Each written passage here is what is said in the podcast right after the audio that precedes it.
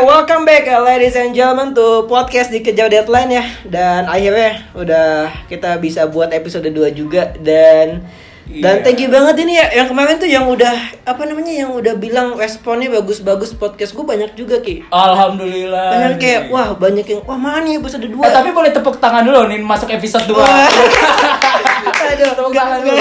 Bahkan katanya ada yang mau ngontrak gue katanya Ngontrak lu di mana tuh? Ah, buat bikin podcast sampai 100 episode. Amin. Waduh, Amin ya. Itu beneran kan? Amin, amin. Oh, amin doang. amin doang, Pak. Amin doang. Oke. Nah, gini, kan Ki ya. Hmm. Masa muda ini kan nggak jauh ya sama namanya kayak nyari pengalaman gitu kan Ah. ya dan setiap anak muda itu punya caranya sendiri lah buat nyari pengalaman gitu kan ya ada yang bisnis gitu kan ya ada yang buat karya konten gitu kan ada yang buat ada yang ikut-ikut lomba berprestasi gitu kan ya Benar. banyak lah gitu kan caranya Hmm. Nah, di podcast episode 2 ini, gue sudah kedatangan bintang tamu nih ya. Dia emang banyak ngomongnya gitu ya. Makanya tadi dia berisik, padahal belum gue kenalin. Brengsek emang.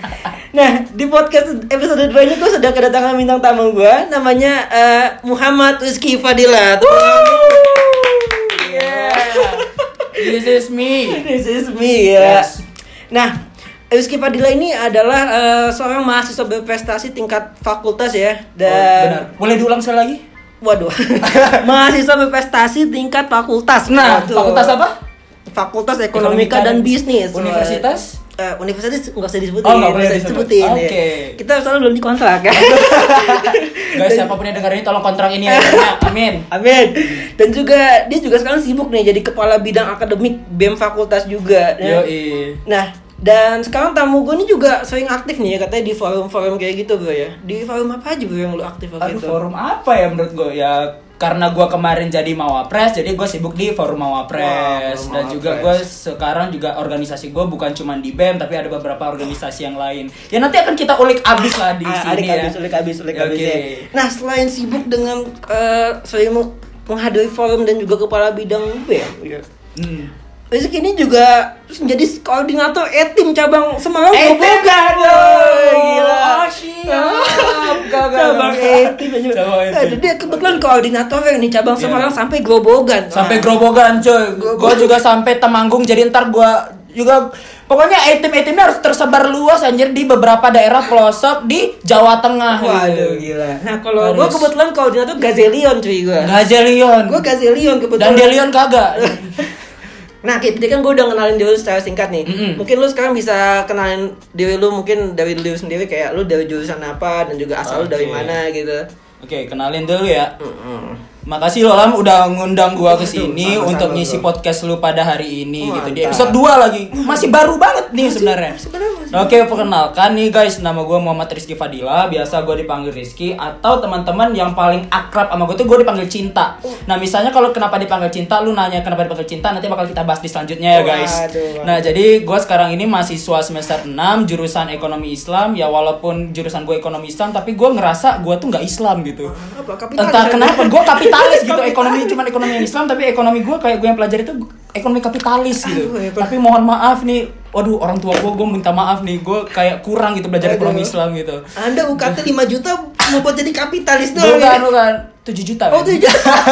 Tolong harus di itu harus direvisi nih, bukan 5 juta, 7 juta. 7 juta kan lebih mahal lagi anjing. Hidup gue hidup gue di sini nyombong banget sih sumpah. Nah, kemudian asal gue Nah, gue juga bingung sih asal gue dari mana. Sebenarnya soalnya orang tua orang tua gue tuh orang Minang nih. Iya, Orang, iya. ah, gue asli Padang, orang tua gue Bukit Tinggi, Solo. Nah, tapi orang gue orang tua gue tuh sering pindah-pindah, pindah ke Aceh lah, ke Pekanbaru lah, ke mana-mana lah. Eh. Jadi terakhir gue lulus SMA di Pekanbaru. Jadi misalnya kalau orang nanya ya gue asal Pekanbaru kayak gitu, men.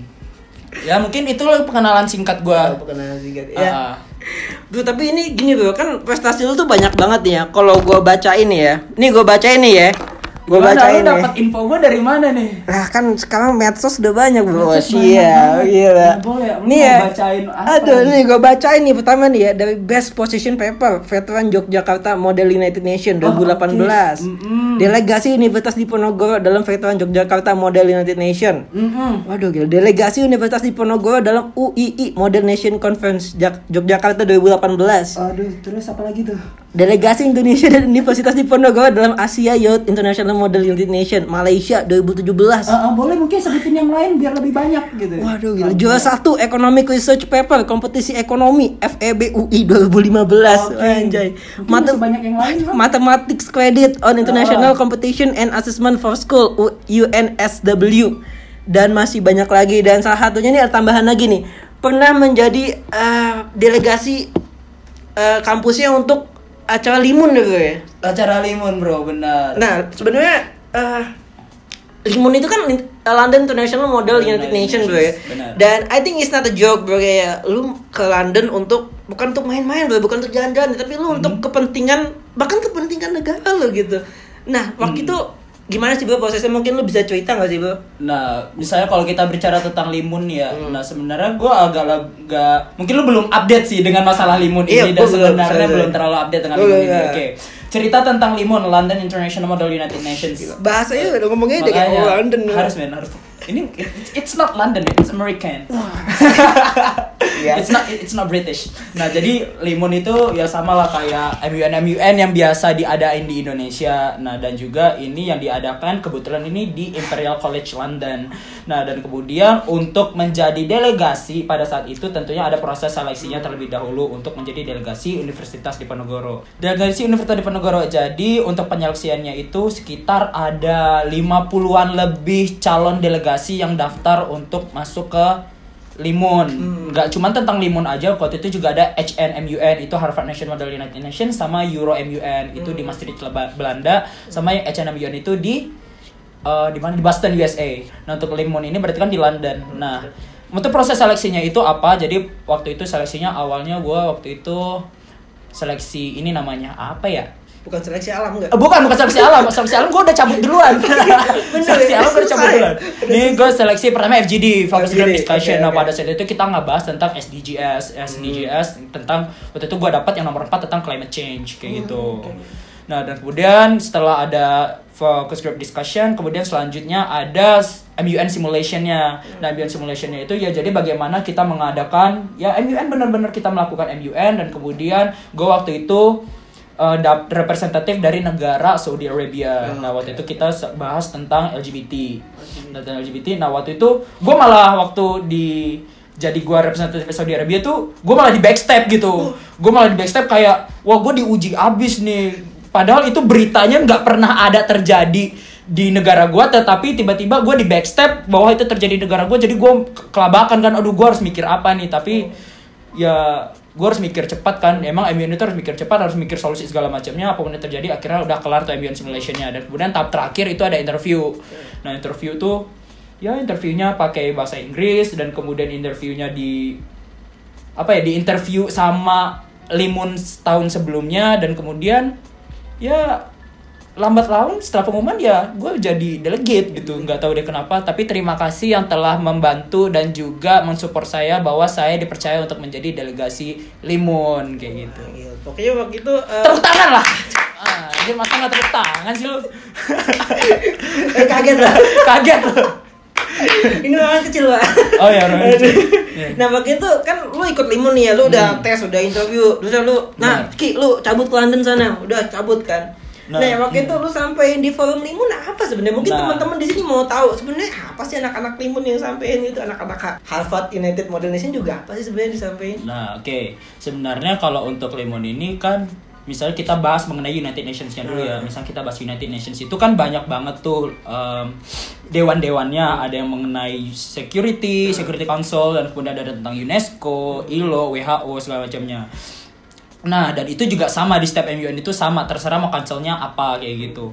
Nah, tetapi ini gua mungkin lu belum tahu nih, karena gua nggak jadi berangkat ke Limun. Oh. Nah, gua nggak jadi berangkat ke Limun. Kenapa? Pada saat itu karena waktu itu ada masalah keluarga yang nggak bisa gua tinggalin. Oh, nah, jadi selama itu selama per, sama preparation, gua cuman ngebantu mereka, ngebantu teman-teman gua. Jadi bisa dari sponsorship lah, dari em, segala bentuk birokrasi di kampus lah, mau itu dana delegasi, kemudian eh, kebutuhan proposal segala macamnya kayak gitu.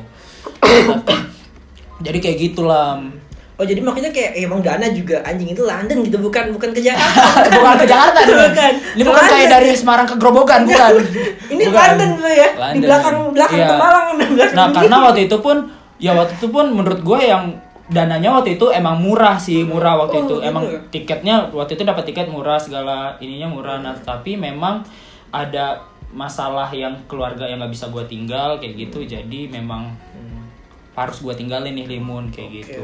Nah, yang di tadi kan gue juga lihat tuh kita juga sebutin yang di Malaysia. Yang di Malaysia itu gimana, Bro? Nah itu sama sih. Nah sebelum gua berangkat limun itu, gua kan pengen coba-coba MUN ini apa sih sebenarnya? Hmm. Karena gue pengen mencobain hal-hal yang belum pernah gua coba sebelumnya kayak gitu. Oke. Itu udah motivasi belum? Ya, udah, makan. Selalu makanya mending lu catat dah kata-kata motivasi dari yang keluar dari mulut gue. Nanti kita nanti kita coba lagi aja ya. Oke, nanti di akhir. Iya, nah, iya. kayak gitu.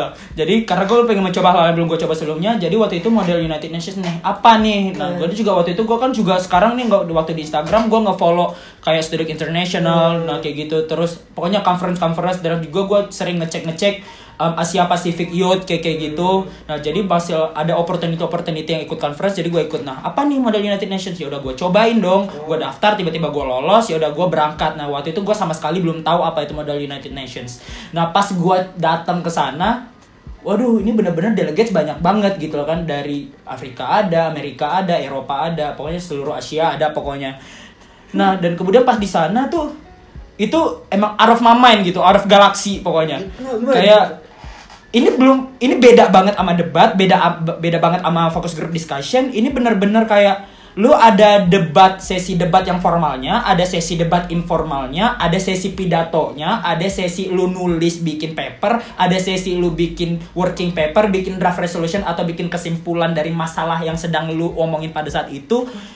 Jadi ini Wah gila, ini apaan nih? Ini gua kicep asli sumpah. Gua nggak tahu mau ngomongin apa waktu itu. Nah, nah langsung jiper asli gua ini orang-orang apalagi yang gua itu kan anak-anak internasional banget ya, apalagi Iya. yang pada saat itu yang paling banyak delegate dari India. Nah, lu tahu kan Susah. conversation itu gimana omongan India gitu, aksennya India susah banget ngerti ini lu ngomong apa gue garuk-garuk kepala men gue mencoba nulis mengartikan apa yang lu bilang juga sulit gitu dan akhirnya ya gue mencoba menafsirkan oh mungkin maksud anda kayak ini maybe you your meaning is like this oh, kayak kayak gini kayak gini nah akhir ya akhirnya ya berjalan lancar lah tapi dia emang pinter sih kebetulan. pinter. nah jadi di MUN ini banyak kansel-kansel yang ada. Kebetulan waktu di Asia International United Nations itu gua kansel gua IMF International Monetary Fund.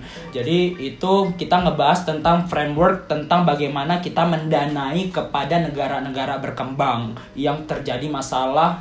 Ya pokoknya dana terjerat hutang lah atau mungkin kasus perbankan yang bankrupt lah kayak gitu. Jadi di situ kita cuman bikin diskusi tentang permasalahan tersebut dan memikirkan solusi dari masing-masing negara itu seperti apa. Jadi misalnya kalau lu mau ngebahas MUN mungkin lu nanti di episode ketiga aja podcast tentang MUN gitu. Iya benar-benar. Nah gimana gua ngasih ide lu lagi loh ini. Gak tapi kan Nah. nggak ini singkatnya aja. Tapi Hmm. jadi MUN itu nggak cuma kayak masalah tentang diskusi ataupun debat doang ya. Ah, Maksudnya ah. banyak lain mesti pidato Banyak juga pidato gitu juga. kan. Benar. Mungkin tan maksudnya tantangannya yang paling besar itu apa sih maksudnya kayak apa sih? Tantangan yang paling besar adalah bagaimana lu menyiapkan mental lu sih cuman mental dan terserah lu mau ngomong apa in English terserah grammar lu itu mau cacat mau bagus mau apa pun yang penting lu ngomong karena inti dari komunikasi adalah bagaimana lu bisa mentransformasikan apa yang lu katakan sehingga dimengerti oleh orang lain kayak gitu kan Iya. gimana nih definisi tadi udah boleh dicatat lagi Mantap, tadi Rizky Fadila Oke. 2019 ya. nah Esos. nah, nah setelah itu ya udah Eh, jadi MUN itu memang tantangannya adalah cuman mental aja dan lu berani mengemukakan gagasan lu. Emang kondisi negara lu pada saat itu adalah kayak gitu. Jadi walaupun nationality lu Indonesia tapi waktu itu gue representatif negara Afrika atau negara Guinea waktu itu. Jadi lu walaupun nationality lu Indonesia lu harus stand for negara yang lu representatif kayak gitu. Nah kayak gitu men. Berarti tantangan juga kayak yang lain kayak yang paling menurut lu yang paling mendominasi siapa sih selain India, Amerika mungkin? Oh enggak, waktu itu Enggak, Asia waktu ya? itu yang paling ambis waktu itu ada dari India dan malah Indonesia. Oh. Indonesia waktu itu Iya. anak-anak Indonesia juga banyak banget emang anak Indonesia terkenal dengan ambisnya Oh. waktu itu. Jadi ada beberapa dari universitas-universitas ya nggak jauh lah dari sini. Oh. Itu memang ambis parah dan akhirnya dia jadi ya jadi bis delegate lah. Siapa oh ya anak anak Indonesia jadi best anak Indonesia jadi best delegate men best lagi gila. Nah berarti pengalamannya intinya kayak lu dapet berarti pertama mental kali ya men ya? Kayak mental lu banget sih karena waktu itu lu emang berkancah di dunia internasional dan lu belum pernah berkancah sama sekali karena itu baru pertama kalinya gua lomba di tingkat internasional waktu itu. Oh, pokoknya besar banget deh manfaat yang misalnya kalau dari MU ini misalnya kalau udah conference di luar negeri Iya ya, nih kalau kita bahas MU ini bener kata lu gak bakal habis habis. Gak bakal habis, gak asli. bakal habis habis. Lanjut nah, deh, bahas Ini kan lu rantau kan? Perantau, Nah, benar, iya kan, ya. perantau. Nah waktu itu lu rantau itu keputusan lu sendiri atau enggak sih men? Kayak gimana gitu? Nah, kalau urusan merantau nih, kalau urusan merantau, gue udah merantau dari pas gue SMA, gue udah merantau, men. Wah gimana dong? Nah, pas gue SMA gue udah merantau. Nah, waktu itu kan gue sam kan emang orang tua gue ini pindah-pindah. Nah, pindah-pindah. Jadi gue pas ngikut sama orang tua itu cuma sampai SMP doang.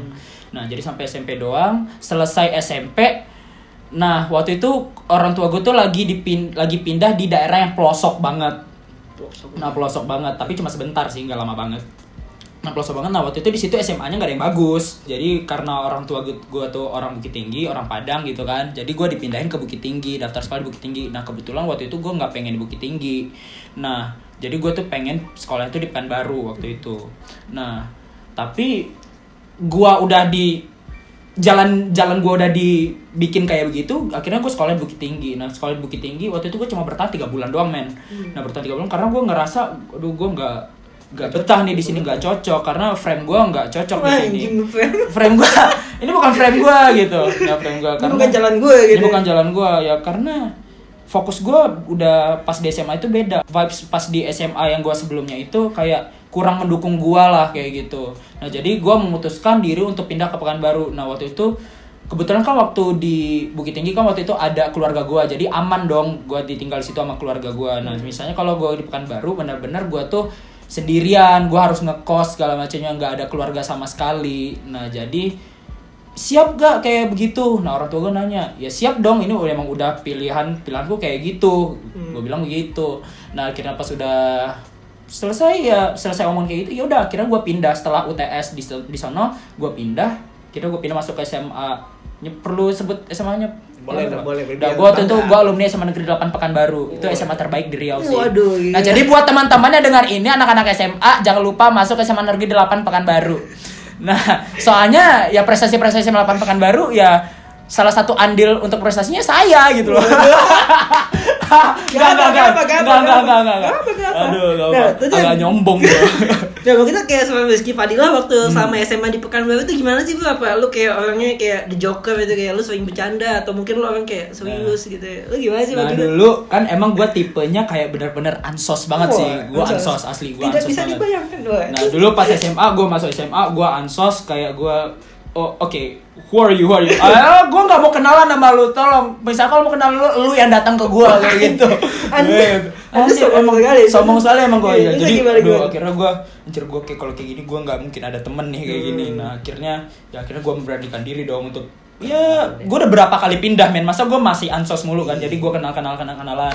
Nah akhirnya ya akhirnya gue udah kenal. Setelah itu gue mulai berbaur sama teman-teman gue dan kemudian gue mulai mengikuti arus arus arus sekolah di di situ kayak gimana. Dan gue ikut beberapa ekstrakurikuler dan kemudian gue ikut beberapa lomba Ini lu tuh orangnya ansos itu kayak dulu. Nah, Tapi gua lu dulu ansos mencoba sih. untuk kayak oke gue mesti terbuka gitu. Iya, dan juga itu emang gue belajar dari pengalaman juga sih. Soalnya dari pengalaman gue, gue udah pindah beberapa kali. Gue udah pindah ke Aceh, gue udah pindah ke Riau, gue udah pindah ke Sumbar. Kayak hampir dari Sabang sampai ke ujung Sumateranya nih, sampai Lampung, no. Gue udah, udah gue jamah semuanya kayak gitu ya. Masa juga itu gitu. Masa-masa kok kayak gitu sih. Jadi gue udah tahu masing-masing tipe-tipe masing-masing daerah itu kayak gimana. Nah, jadi oke untuk orang Riau seperti ini Oke, jadi gue bakal gaca lagi orang Riau kayak gini. Jadi gue udah belajar-belajar, akhirnya ya gue juga udah bisa beradaptasi dengan cepat lah. Siap, siap. Nah, waktu itu berarti lu aktif apa sih men waktu di SMA gitu? Nah, kalau untuk SMA, waduh gokil sih. Gue Apa OSIS? Apa? OSIS. Oh, gue nggak osis, Oh. Gua osis. Karena gue ngerasa kayak gue nggak cocok gitu di osis men. Oh iya. Mana tuh kenapa tuh? Kenapa ya? Karena waktu itu OSIS gue tuh mohon maaf nih guys kayak emang orang-orang hits gitu orang-orang hits Dan lu merasa nggak hits gitu. Nah, gue pada saat kan gue waktu itu pindahan. Oh, iya sih, Nah, pindah, iya. jadi gue belum merasa hits. Tapi misalnya di penghujung akhir sih gue hits gitu. ya lu berprestasi, ya lu berprestasi nah, gitu kan. nanti bagaimana gue hits? Eh, ini ceritanya ya guys. Nah, Nah, jadi untuk organisasi nih tentang organisasi ya, Iya, iya. gue ikut, gue ikut rohis. Percaya nggak lu? Gua, Gua ikut Rohis. Cukup percaya, cukup Percaya kan lu? Karena lu ekonomi Islam ya. Karena gue, nah jadi gue belajar dari rohani Islam gue. Gue ikut rohis, Hmm. gue ikut PMR. Ya, ya, ya. PMR. Jadi alasan gue ikut PMR itu karena gue nggak mau baris pas upacara. Bagus. That's, that's good idea. That's a good idea, man. Jadi kalau lu anak-anak mau masuk SMA nih ya, lu kalau nggak mau ikut apel pagi atau nggak mau ikut Upacara. lu jadi apa tadi palang merah remaja. Palang merah remaja, lu berdiri di belakang sambil nunggu orang pingsan. Nah, kan lu duduk situ sambil minum-minum. Ini Yoi. mana gitu kan. Ini mana? Kagak ada yang pingsan. Kagak ada yang kagak ada yang pingsan. Kalau ada yang pingsan kan gue bisa bawa Iya. tandu, gue bawa ke UKS terus gue rawat tuh bocah. Nah, gue ngadem gitu ya. Nah, ngadem apalagi AC UKS kan enak banget bisa Oh, buat iya. tidur coy. Terus tadi lu, oh, iya, lu PMR Hmm, juga. PMR. Selain itu apa tadi? Nah, kadang-kadang gue juga diajakin, tak gue kayak pramuka nggak jadi sih. Gimana? Nah kadang-kadang gue terlibat di pramuka, kadang-kadang tidak juga gitu. Jadi semi pramuka lah gue ya. Iya. Nah dan juga gue ikut choir waktu itu.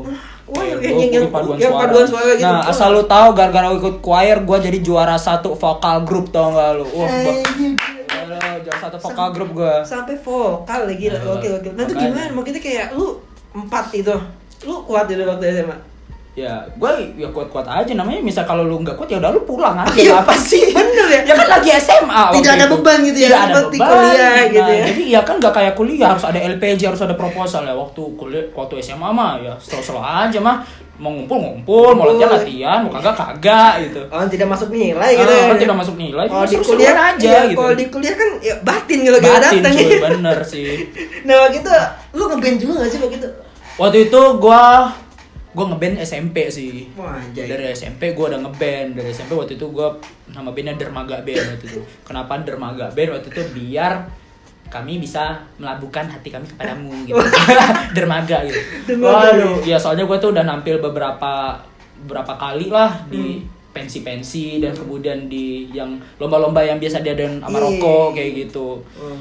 Nah ya tapi walaupun nggak pernah ada yang menang gitu tapi buat seru-seruan aja Iya, gitu buat kan. pengalaman juga, Iya, mental buat juga, mental itu. juga gitu Jadi, tapi SMA udah nggak lagi Nah pas SMA sih gue lebih ke akustik.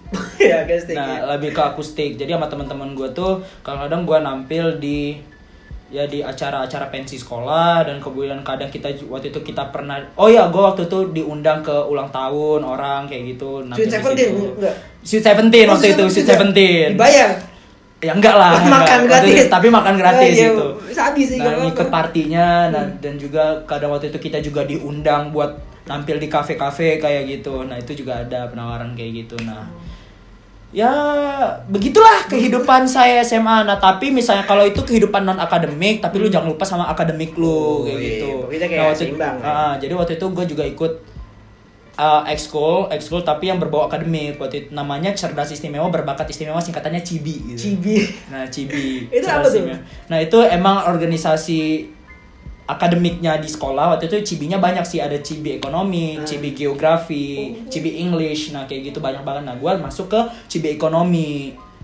Nah, cibi ekonomi. kayak Jadi- semacam olimpiade gitu nggak sih Ya semacam kelas olimpiade kayak gitu. Jadi setiap hari ya dua kali seminggu lah lu kelasnya. Jadi setelah lu pulang kelas jam 4 Kemudian lu kelas lagi sampai jam jam 5 kadang setengah 6 kayak gitu. Ya, ngomongin kayak olimpiade tadi, Hmm. lucu ya, gue juga dulu pernah coy ke olimpiade. Walaupun Olimpiade gua- apa lu? Gue dulu gue ikut olimpiade ekonomi bro. Anjir gak cocok muka lu. Gak cocok? Gak cocok kan? Gak cocok Dulu gue ikut olimpiade ekonomi, gue juga dulu pernah Ya gue olimpiade ekonomi, cerdas cermat waktu itu Oh, lu cerah cermat. Iya dulu tuh gue tiba-tiba gitu kan Kan nilai ekonomi gue bagus bagus ya Eh, lu bagus lu. Gua Lu cuma bilang sendiri kan lu guru bilang lu jelek gitu. Nilai ekonomi gue lumayan waktu itu Oh, kan lumayan. Kayak wah ini anak apa kayak bisa Berpotensi. nih, Potensi nih gitu Oke. kan Gue diajak lah Gue diajaknya kayak, kayak narkoba gitu Mau ikut olimpiade ekonomi ya? Oh, Oh, Oke. Gue diajak kayak Oh, gitu juga. Nah, gue bilang olimpiade ekonomi ngapain gitu kan Ah. Gue pertama ikut OSKN waktu itu OSK dulu. OSK, kabupaten waktu itu Hmm. Nah, tingkat kota itu- dulu dah, tingkat kota. Iya, gitu kota Nah. gitu kan. Gue kabupaten waktu itu. Tapi gue waktu itu tidak lolos. Tapi nggak apa waktu itu gue pengalaman. karena Nah. itu karena itu gue ikut training campnya bro Oh, lu Training camp- itu training camp? Iya training camp kayak dari sekolah gua gitu kan Ah. Training camp sekolah gua seminggu Nah seminggu tuh gua gak masuk sekolah masuk sekolah lu. Masuk sekolah gitu kan Belajar juga kagak lu itu. Itu pun juga enggak Kita cuma ngobrol-ngobrol doang Ngobrol, lu keseru-seruan aja. Seru-seruan aja gitu kan Ternyata lu juga belajar dari pengalaman kan, lu Iya. goblok pas di ekonomi OSK kemarin nggak lolos gitu. Kayaknya gue emang nggak berpotensi di sini. Nah iya kalau gitu gue masuk Gue tim OSKN kan Nah abis tim OSKN Ah. Berapa kayak setahun Apa setahun Setahun kemudian kelas 3 Ah. Kan waktu itu gue SN kelas 2 tuh ya Kelas 3 tuh gue diajakin lagi sama guru ekonomi gue Malah gue Oh. ikut cerdas cermat ekonomi gitu kan Dikasih kesempatan lagi lu ya. dikasih kesempatan lagi gue cerdas cermat ekonomi waktu itu Hmm. di UIN Syarif Hidayatullah Oh. nah waktu itu wah alhamdulillah ada hasilnya waktu itu sebenarnya hasilnya nggak jelek juga sih juara dua waktu itu Ya, itu bagus aja nggak jelek. Nggak, tapi kan tapi kan karena emang waktu itu pesertanya nggak banyak banget sih men Ah. jadi uh, juara dua waktu itu lumayan lah gitu kan amat ya, penting orang tahu juara dua bukan bukan proses yang lu lalui. Iya, gitu kan. Karena orang tuh pengen taunya hasil akhir doang, men. ya tapi akhirnya di situ gue juga ke pengalaman itu pertama kali gue ikut Hmm. uh, salah satu lomba kayak cerdas cermat Boleh tepuk tangan buat Alam, men. Gitu. Pinter juga nih yang bikin podcast. Aduh. Nah, akhirnya gue sekarang end up di sini di Semarang Ah, sama lu emang bangsat.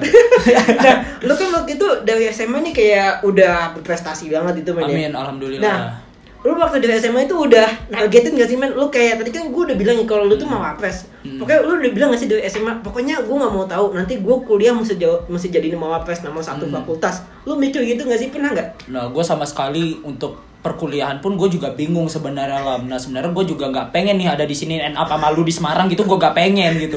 Awalnya tuh gue pengen UI dari SMA. Eh. Awalnya gue pengen UI malah komunikasi bukan ekonomi Islam malah. Nah soalnya waktu gue cocok komunikasi sih. Bener sih, kayak Tuhan itu punya jalan masing-masing Iya. gitu. Nah jadi pas SMA tuh gue udah ngikut-ikut lomba di UI segala macamnya. Nah karena gue target gue di UI, jadi mau nggak mau gue harus ikut-ikut lomba di UI dapetnya sertifikat UI. Hmm. Nah waktu itu udah gue tuh juara kan udah lu sebutin tadi tuh juara satu ekonomi research paper. Ih, Sampai ngos-ngosan Nah, lu baca terus sampai juara 3 social science quiz di FISIP UI waktu itu. Nah, kebetulan waktu itu gue lomba di FISIP UI, siapa yang menang lomba di sini bakal diprioritasin buat masuk UI. Nah, gue pede dong waktu SNMPTN. Nah, gue gue daftar tuh komunikasi UI. Kebetulan komunikasi kan di FISIP. Pede gue SNMPTN daftar. Wah, gue sertifikat UI gue banyak. Sebenarnya sertifikat internasional gue juga ada gitu kan. Pede, pede, pede. Akhirnya pas pengumuman SNMPTN, waduh maaf, anda dinyatakan tidak lulus SNMPTN. Sakit banget hati gue. Nih, waktu itu masih ada jalur satu lagi tuh PPKB UI kalau lu Oh, tahu. yang, yang tulisnya esai ada es tulis esai, kemudian lampirin semua sertifikat yang lu punya kayak gitu. Lu ikut juga? Gue ikut juga waktu itu. Biaya pendaftaran mahal coy, tujuh ratus ribu. Tujuh ratus ribu. Nah, gue daftar tuh, gue lampirin 14 sertifikat yang gue punya kan. Hmm. Gue lampirin nilai rapor gue juga cukup tinggi waktu itu. Anjir nggak lolos juga gue, aduh Juga. Waduh. cacat gitu cacat gitu nggak bisa nih. Apalagi yang salah sama gua ya Allah gitu gue bilang. Gua jadi sia-sia gua ya Allah lomba yang gua gue ikutin selama ini gitu. Enggak, enggak sia-sia lah. Kan nah itu mungkin nah mental. belum nah belum. Gue kan berpikir pada saat Eh, itu eh. men. Berpikir pada saat itu. Nah akhirnya gue SBM gue milih unpad nggak lolos. Gue ikut UTUGM gue nggak lolos. Akhirnya gue ikut awalnya gue nggak pengen undip sama sekali men. Gue nggak pengen undip sama sekali tiba-tiba anjir undip apaan? Gue memilih jurusan apa gitu. Gue selalu tahu gue mau daftar undip aja tuh UM2 gue gue UM2 pada saat lima hari. Waktu itu gue lagi mudik tuh lagi Hmm. mudik. Gue taunya tuh hamin dua penutupan UM2 waktu itu lomba eh lombanya tesnya di Semarang. Jadi gue daftar tanggal 11 penutupan akhir. Tanggal 14 gue berangkat ke Semarang gue ketinggalan pesawat gue ketinggalan pesawat terus tanggal 5 gue bermalam di Suta terus tanggal 15 gue berangkat lagi ke Semarang tanggal 16 nya tes terus tanggal 17 gue ke Bandung gue ke Malang gue ke Surabaya ikut tes semua universitas nah akhirnya gue balik lagi ke Pekanbaru akhirnya gue end up di Semarang akhirnya gue terima di Undip Itu kalau dihitung-hitung biayanya mahal juga ya, Pak. Iya. 20 juta. kebeli kebeli si biar anjir sumpah itu kebeli mah tapi itu bisa itu. biar kebeli sih sumpah Aduh. nah kemudian nah misalnya kalau untuk goals gue tiba-tiba gue jadi mau pres sih. Emang gue nggak ada kepikiran kuliah ini kayak gimana. Tapi misalnya orang tua gue tuh emang ngeset gue tuh dari abis. Kan orang tua gue ini akademis banget sih sebenarnya Nah, orang tua gue tapi orang tua gue ini akademis banget gue juga nggak ngerti sih dari mana munculnya karena orang bokap gue juga bego gitu bokap gue nya misal kalau gue lihat nih rapornya merah semua sih emang gue percaya papa goblok ya gitu Wah, makanya mungkin karena dia dari kayak gitu dia nggak nggak pengen Iya, anaknya iya. juga goblok. Nah tapi gue mungkin turunan dari emak gue, dari nyokap gue kayak gitu. Dari nyokap gue gimana?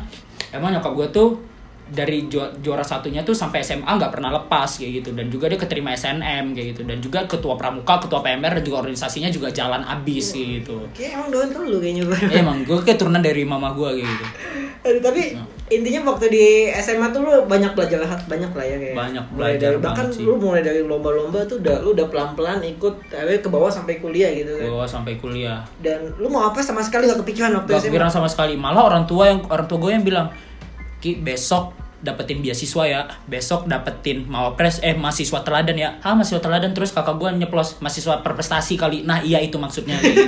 Bokap gue begitu. Nah Oh, sempet direvisi ya. sempat direvisi gitu. Jadi mereka yang mempersiapkan gue apa yang harus gue lakukan di di kampus gue harus ikut organisasi inilah gue harus kayak gini lah jadi selama kuliah lu harus kayak kayak gini lah pokoknya gue di set abis. Karena pas dari SD pun gue udah di set abis nih. Dari jam 7 gue sekolah sampai siang sampai siang gue sekolah kan. Nah, kemudian siangnya gue sekolah agama dan kemudian gue sorenya les. Kemudian malamnya gue belajar dari jam 7 sampai jam 9 terus jam 9 sampai jam 10 gue nonton TV nah gitu terus gue sampai SMP nah jadi ya gue udah terbiasa dengan pola hidup kayak gitu mau nggak mau juga udah jadi habit gitu loh. Ya, gue akademis gue tuh jadi habit sih Tadinya lu terstruktur gitu kan, lu berarti udah, udah biasa gitu Iya. kan, visioner gitu. Hmm. Nah akhirnya lu udah ikut UM tadi ya, lu udah ikut UM kampus yang di Semarang, lu ikut UM kampus Malang, Hmm. Iya. UM yang di kampus Jogja Nah, iya, gitu kan. Oh Surabaya juga. Hmm, Surabaya juga Nah akhirnya lu end up di Semarang End dan, up di dan Semarang. lu end up di jurusan ekonomi Islam. Ekonomi Islam. Nah waktu itu lu kenapa tiba-tiba ujungnya milih ekonomi Islam bro? Maksudnya kayak tadi kan lu Nah. cerita lu maunya komunikasi gitu. Hmm.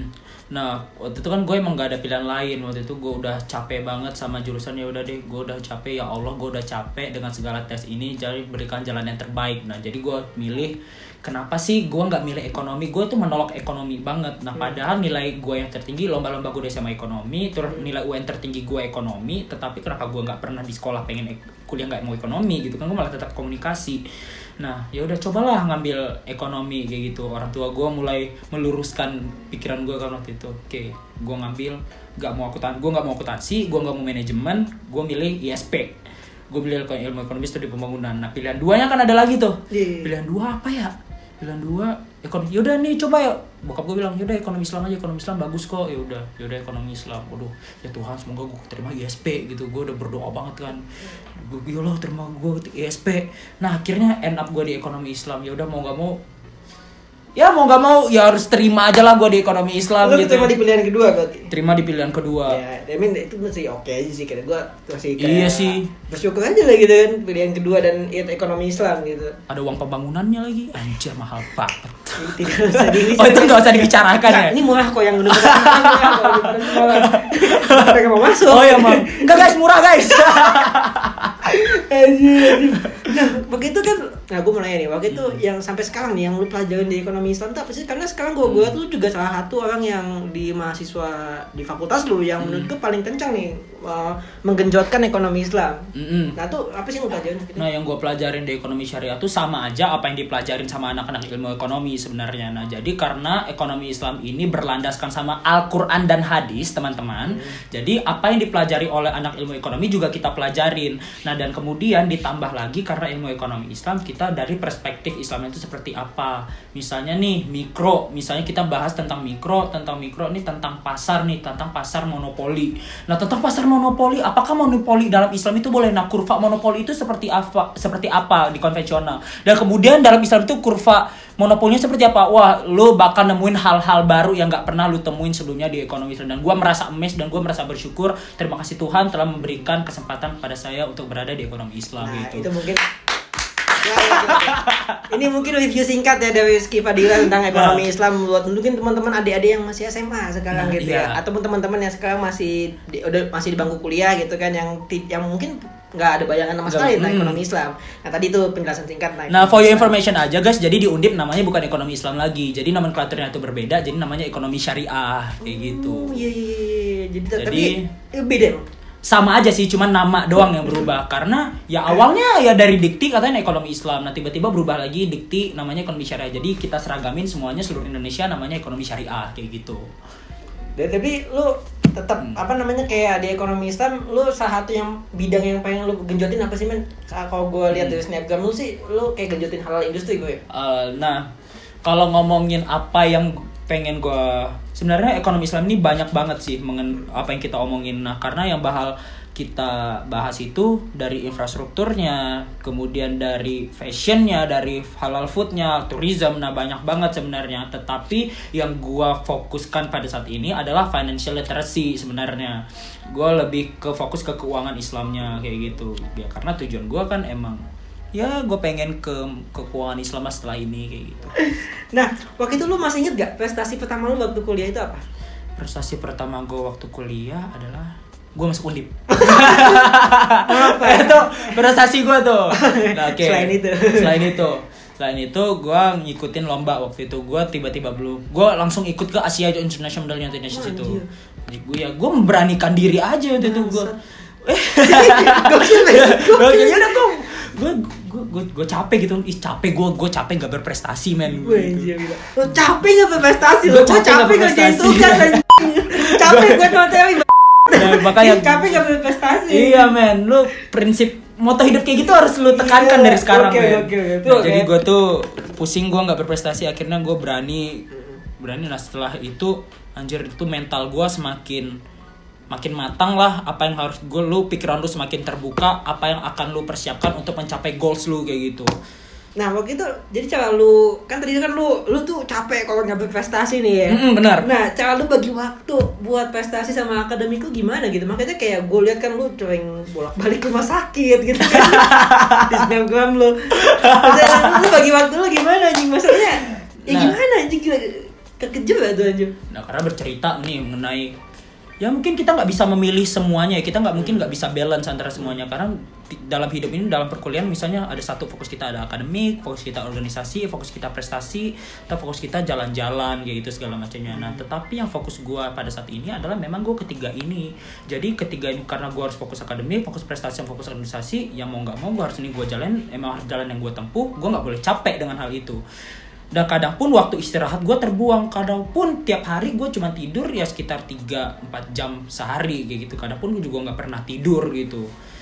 Nah terus bagaimana gue menjalani itu ya karena gue nggak pernah mau merasakan capek. Walaupun badan gue capek jangan pernah rasakan capek itu gitu loh. Betul. nah jangan pernah rasakan capek itu walaupun lu sakit oh ya udah sakit gitu. Ya udah sakit gitu ya? Oh badan lu lagi nggak fit oh ya udah gitu. Ya ya udah lu misalnya kalau lu butuh ke dokter ya udah tinggal datang ke dokter gitu. Tapi Misal lu- tetap jalan mesti. tetap jalan gitu. Waktu itu ya udah waktu itu sampai waktu itu ceri drop gue drop banget waktu itu. Bener-bener gue capek terus gue waktu itu gue kan emang lagi tipes. Nah waktu itu gue juga paper gue banyak banget dan kemudian waktu itu lagi preparation KKN dan kemudian gue harus ngisi di acara ini acara Oh, iya, ini kan iya. waktu itu. Bener-bener. nah gue waktu itu ya sebelum pas gue waktu itu kan baru pulang dari Surabaya. Nah pagi nyampe Surabaya terus siangnya gue harus preparation KKN nah waktu preparation KKN itu ujian ujian preparation KKN itu Iya, tau kan iya, tahu, ujian KKN waktu itu. Nah kelar dari situ gue ke rumah sakit langsung waktu itu langsung ke rumah sakit. Nah waktu itu gue langsung minta suntik vitamin terus gue waktu itu gue udah lemes banget waktu itu jadi gue minta diinfus. Jadi gue waktu itu emang lah harus dirawat pada saat itu gue nggak bisa kan nggak bisa dirawat. Yaudah dok ini cuman infus dua jam aja ya gitu. Infus dua jam ya udah ah, infusnya juga habis. Ya udah gue cabut lagi cabut lagi udah gue besok menjalankan aktivitas seperti biasanya Jadi ya emang kita kayak ngapain juga tidur lama-lama gitu ya. Mm-mm, Tiga jam nah. cukup lah, mama masih muda gitu Nah, kan. asal lu tahu ya, gue kayak tidur 6 jam aja gue merasa berdosa loh. Anjir. merasa berdosa ya. Karena ya lu merasa rugi bisa lu Iya, lu udah tidur 4 jam nih, 2 jam nih lu bisa bikin tugas atau apa memanfaatkan hal-hal yang produktif Bener, gitu, bener, men. Wah, ya maksudnya ya ngapain gitu masih muda gitu tidur kan Hmm. nanti ya gitu kan. Tidur nanti lah. Aduh. Tapi tuh enjoy intinya enjoy ya bro. ya. Intinya lu harus enjoy. Nah, tapi nah setelah gua meli mendengar podcast lu sebelumnya mengenai passion. Nah, teman-teman misalnya kalau udah dengar ini kita bakal ngebahas passion ya. Ini episode 1 kan ngebahas passion. Nah, ini saya pengen ngomongin passion sebenarnya ini bukan passion lanjut, sebenarnya. Nah, sebenarnya ini bukan passion gua. Nah, gua juga bingung nih ini benar-benar passion gua apa gimana sih? Apakah gua pengen menempuh jalan kayak gini? Apakah gua emang suka kayak gini? Karena yang pengen di dalam otak gua tuh kayak gua pengen mencoba sesuatu hal yang baru kan and get out of your comfort zone kayak gitu loh. Nah, terus ya setelah ini gue belum coba apa lagi ya belum coba apa lagi ya nah jadi seakan-akan apa yang udah gue coba oke gue udah pernah cobain ini terus gue pengen cobain lagi cobain lagi yang lain. Nah jadi gue ngerasa ini bu- bukanlah suatu passion tetapi itu adalah sesuatu lu curious akan sesuatu gitu. Nah karena walaupun lu nggak nemuin passion lu cobalah curious akan sesuatu. Kalaupun itu bukan passion lu nanti lu karena curious akan sesuatu lu pasti nanti akan tertarik akan gitu ya. sesuatu. Tiba-tiba aja kayak gitu. Nah tapi tugas kuliah kekejar tuh. Mau nggak mau mau harus kekejar. Asal lu tahu gue selama kuliah gue nggak pernah belajar men nah gue pernah Mantap. belajar misalnya gue belajar tuh cuman misalnya dikasih tugas ya udah gue kerjain tugas jadi gue belajarnya tuh pas ya Uas. uas gitu Ya, ngapain belajar sebelum uas Nah, ya? itu Nanti dia. juga lupa lagi. Nah asal lu tau kalaupun gua di BEM sekarang jurusan gue itu BEM bukan ekonomi Islam jurusan gua BEM organisasi gua ekonomi Islam karena gua lebih menghabiskan waktu gua di BEM Di kayak BEM gitu. itu. Nah, dia juga seorang kabit akademik gitu ya. Sekarang namanya bukan akademik bro, riset dan keilmuan Ya namanya. makin mantep lagi namanya. Box malah ya gitu. Ya, ya, Nah, ya. tapi ngomong-ngomong masalah bisnis nih, gue dengar katanya ada project baru nih bisnis nih. Bisnis sih? apa bro? Waduh. Enggak, enggak, enggak. Gua gua enggak punya bisnis apa-apa sih. Nah, Ya, tapi yang, yang itu gimana yang nganterin teman-teman lu gitu? ya paling gitu ya gue dibayar ya seadanya. Nah, gue kira itu bisnis tuh bang. Maksudnya Ya. kan ada ada ada akun Instagramnya juga gak sih? Gak ada, gak ada. Itu gue cuman bikin sensasi doang kan gue emang anaknya kontroversi memang. Gue kan emang anaknya suka cari sensasi. Ya udah jadi gue pengen ya cari-cari aja lah gitu. Oh, Mungkin lagi gue cari sensasi biar rame aja yang ngechat gue di Instagram, rame chat gue di line kayak gitu. Dapat duit juga lumayan kan tuh kan ya. Kan kan bandara nggak jauh. Ya juga. mau kan, ya Cin tolong anterin gue dong, Cin tolong anterin gue dong. Waduh, ya demi teman gue kan baik gitu ya udah. Tapi tapi itu bukan kayak bisnis apa gitu ya? Bukan, Kayak bukan, sekedar bantu tapi kok profit gitu. kok profit. Ya tapi gue juga berusaha lagi Gue sama teman-teman gue lagi ngembangin ini sih Kayak platform pembelajaran sama kayak ruang guru Tapi ini lebih kayak kita bahas tentang ekonomi Islamnya Wah, kayak asik, gitu. asik, asik. Namanya Kepoin Ekis men Jadi boleh lihat Wah, aja boleh, Kepoin boleh. Ekis di Instagram Atau nanti di OA nya juga ada Terus Ya nanti biasa kita juga bikin-bikin konten Tapi sekarang lagi under maintenance Jadi tunggu aja update selanjutnya Kayak gitu. Jadi kepoinnya itu ad apa? At Kepoin Ekis Dan juga bisa dilihat di LinkedIn juga ada Kita udah muncul di LinkedIn kok Siap, Kepoin siap. Ekis Gila, udah lengkap banget deh ini bisnis ada platform ada lengkap anjay. enggak, enggak, men Gitu kan. Tapi gue dengar tadi kan kita ngomongin masalah ngeband ya. Lu Hmm. masih demen musik gitu apa? Mungkin masih main. Gue lihat sih lu sering main gitar kan deh. Nah, untuk musik sih itu memang sekedar hobi aja sih. Nah, aja, jadi ya. ah, ah, teman-teman gua pada saat ini entah kenapa lagi sibuk ngeband juga. Jadi gua juga ditarik kan buat main band sama dia ya udah gua jadi vokal. Nah gua jadi vokalis padahal suara gua juga pas-pasan lah. Jadi udah gua jadi vokalis. Tadi kadang-kadang juga ada vokalis yang lain yang cewek namanya Galuh. Nah jadi kadang ganti-gantian aja. Kadang gua juga main keyboard waktu itu. Keyboard. gue juga kadang main keyboard. Ya kadang ya gue nggak pro banget sih main keyboard ya tapi Iya, iya, pencet-pencet ya, aja. pencet-pencet aja tapi ya masuk chordnya lah. Dia bisa ngikutin lagunya Ah, lah ini C nih. Iya. Enggak bego deh. Udah, kuncinya apa? Ah, ini mana ya kuncinya gitu ya udah nggak apa-apa tapi tapi tetap berarti hobi dan jalan juga. hobi dong. tetap jalan men Wah, juga 24 jam berarti gak, gak cukup kayaknya buat lu, Bro. Waduh ya mau gimana Waduh pokoknya tuh Tuhan tolong berikan aku waktu lebih kayak gitu Iya, gitu. nah iya. Nah, mungkin ini uh, dari terakhir dari gue sih men mungkin lu bisa sharing gak sih men kayak mungkin tips sama ataupun saran lu buat teman-teman kita yang pendengar ini ataupun buat teman-teman yang bakal masuk ke fase dunia perkuliahan mungkin. Ya sekarang kan lagi tahap-tahapnya. Tahapnya verifikasi Iya. maba ya Nah, UTBK juga kayak gitu. Oke. Nah buat teman-teman nah jangan misalnya kalau kita ngomongin passion nggak usah terlalu tak nggak usah terlalu dini nemuin passion karena kalian pasti nanti akan nemuin passion kalian itu sendiri. Nah sampai sekarang pun saya juga belum menemukan passion saya kayak gitu. Walaupun jurusan saya ekonomi Islam kalaupun saya juga pengennya di komunikasi sebenarnya tapi Tuhan ada cara lain. Walaupun saya di ekonomi Islam saya yang pengen jadi kadang jadi MC kadang jadi moderator itu bisa saya lakukan selama saya di organisasi gitu. Nah itu jadi malah jadi pendapatan karena aku pun sering diundang gitu loh. Gue sering diundang buat jadi MC jadi moderator jadi pembicara dan itu juga sekali sekalian menjadi penghasilan gitu loh. Nah itu nambah duit jajan juga. Nah nggak usah takut dengan apa yang bakal terjadi di kemudian hari. Jalanin aja dan juga tentukan goal kalian apa dan tentukan ketika sudah tahu goalnya dan nanti kalian pasti akan tahu ap- proses apa yang harus kalian lalui untuk mencapai goal tersebut kayak gitu teman-teman. Dan dan kemudian selanjutnya adalah selalu lakukan apa pun yang mau kalian lakukan selama itu nggak merugikan orang lain. Nah jadi ya jangan takut terhadap melakukan terhadap melakukan sesuatu karena orang lain pun juga nggak akan peduli dengan apa pun yang kalian lakukan. Benar gak sih Benar, benar, benar, benar banget, nggak akan peduli dengan apa pun yang kalian lakukan. Karena yang mereka tahu itu adalah hasil akhir gitu. Mereka nggak perlu tahu dengan proses yang kalian alamin. Dan juga jangan pernah merendahkan diri kalian dengan diri orang lain. Dan juga jangan pernah membandingkan diri dengan orang lain. Dan misalnya kalau ngerasa kalian itu merasa tertinggal dengan orang lain percayalah itu bukan waktu yang tepat bagi kalian gitu. Dan jangan lupa selalu bersyukur atas apa yang terjadi sama kalian. That's it. Box. Intinya itu kita dalam tahap proses dan kita juga punya timeline yang berbeda dengan orang Yoi. lain ya. Dan makanya kalau kita timeline orang lain kayak gini, kita nggak usah reporting gitu ya. Kita punya timeline sendiri ya nggak Yo, sih? bener banget Nah mungkin yang bisa gue simpulin dari podcast episode satu ini mungkin uh, young, wild, and free kali ya. Young, wild, and free. Iya, tapi- Kalau gue yang dumb and broke sih. Enggak dong. yang wild and free tapi dalam artian yang bagus. Yo, Enggak iya. kayak kayak malam-malam gitu enggak kan. Tapi Hmm. dalam artian kayak prestasi terus saya pergi ke luar negeri untuk hal-hal yang positif gitu Bener bro, ya. banget. Nah, tapi intinya eh, pokoknya intinya tetap dalam semangat aja bro ya intinya ya sih? Pasti lu harus semangat dalam apa pun yang terjadi. Walaupun lu lagi terpuruk pada saat itu lu harus tetap semangat. Jangan pernah lu menunjukkan hal-hal negatif sama orang lain karena orang lain juga gak peduli dengan hal itu gitu. Oke, I think that's all for episode 2 and thank you Rizky Fadilah yang udah mau Hmm. gabung sharing bareng kita di episode 2 ini ya. Thank you. Dan Thank you semoga juga. eh, diskusi kita ini walaupun ada kacau tapi bermanfaat ya bro ya. Amin Tuhan. guys, semoga bermanfaat guys. Aku tahu aku tadi ngomongnya sampah guys. Kagak kagak.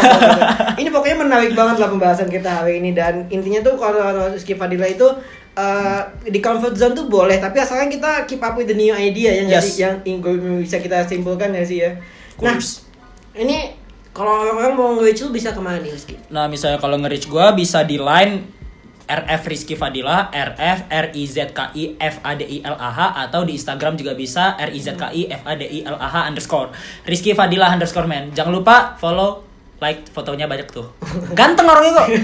ya ganteng gak ganteng? Gue percaya kok, gue percaya orangnya. Kayak Aming. Anjir. Udah ganteng. Dan juga eh, jangan lupa ya follow uh, podcast ini di Spotify karena nggak akan rugi kok. Maksudnya ya ada yang bilang gue takutnya kalau follow podcast lo di Spotify nanti berpengaruh ke medsos gue yang lain. Aduh, gue takut sih Lam. karena ini lu udah full bakal lu upload di Spotify. Gue takut gara-gara episode gue kali ini nih ngurangin followers lu, Amin. Aduh, mohon maaf nih, gue mohon gue mohon maaf dulu ya nih. Gue mohon maaf dulu. Aduh, makanya jangan lupa lah ya follow podcast gue di Spotify karena nggak bakal rugi kok dan itu ya gratis gue ya. Dan jangan Gratis. lupa juga follow IG gue di @alamamansyah dan Twitter gue di @alamamansyah. Dari situ teman-teman bisa ngasih saran gue dan juga ngasih masukan untuk bintang tamu dan juga tema selanjutnya. Nah, dan juga jangan lupa share podcast ini ke teman-teman yang lain ya. Gila, jangan lupa lo share ke teman-teman BEM. Pastilah, ini kan teman ini kan yang isi gue, Oh, iya. gue share lah. Nih jangan lupa share ke teman-teman yang lain juga dan mungkin teman-teman yang masih duduk di bangku SMA nih ya ataupun mungkin teman-teman yang sekarang masih di bangku kuliah yang masih bingung akan kepribadiannya gitu. Ini bisa banget nih. Bisa Iya. banget di share ya. dan sekali lagi eh mungkin gue mau kasih kesimpulan kali ya sebelum kita masuk ke tahap terakhir ini ya. Bikin paper lu bikin kesimpulan.